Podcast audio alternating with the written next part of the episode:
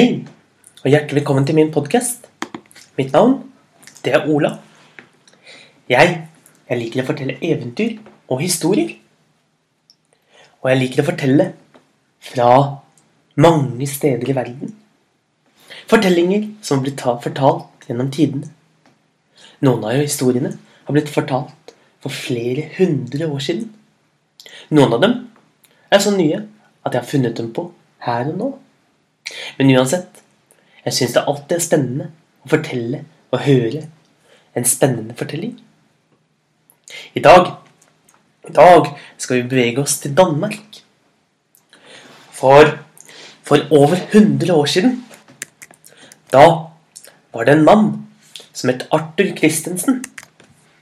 Han var fra Danmark.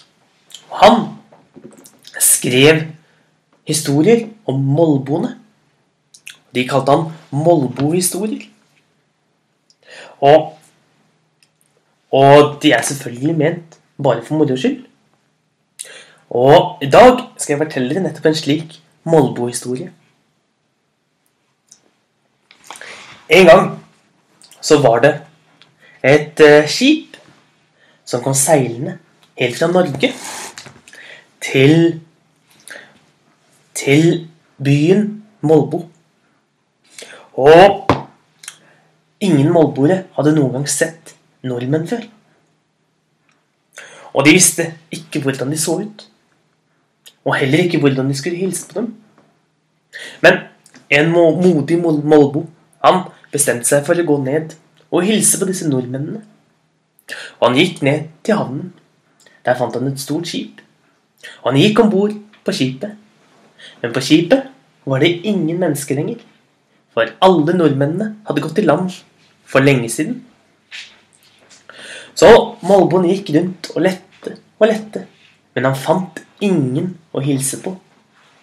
Plutselig så han nede i den ene boksen, for det var en stor kasse som sto midt på dekk. Og oppi kassen, der lå det mange store hummer.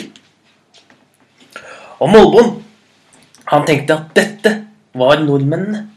Dette måtte være menneskene om bord på båten. Så han strakte ut hånden og hilste på den største hummeren av dem alle.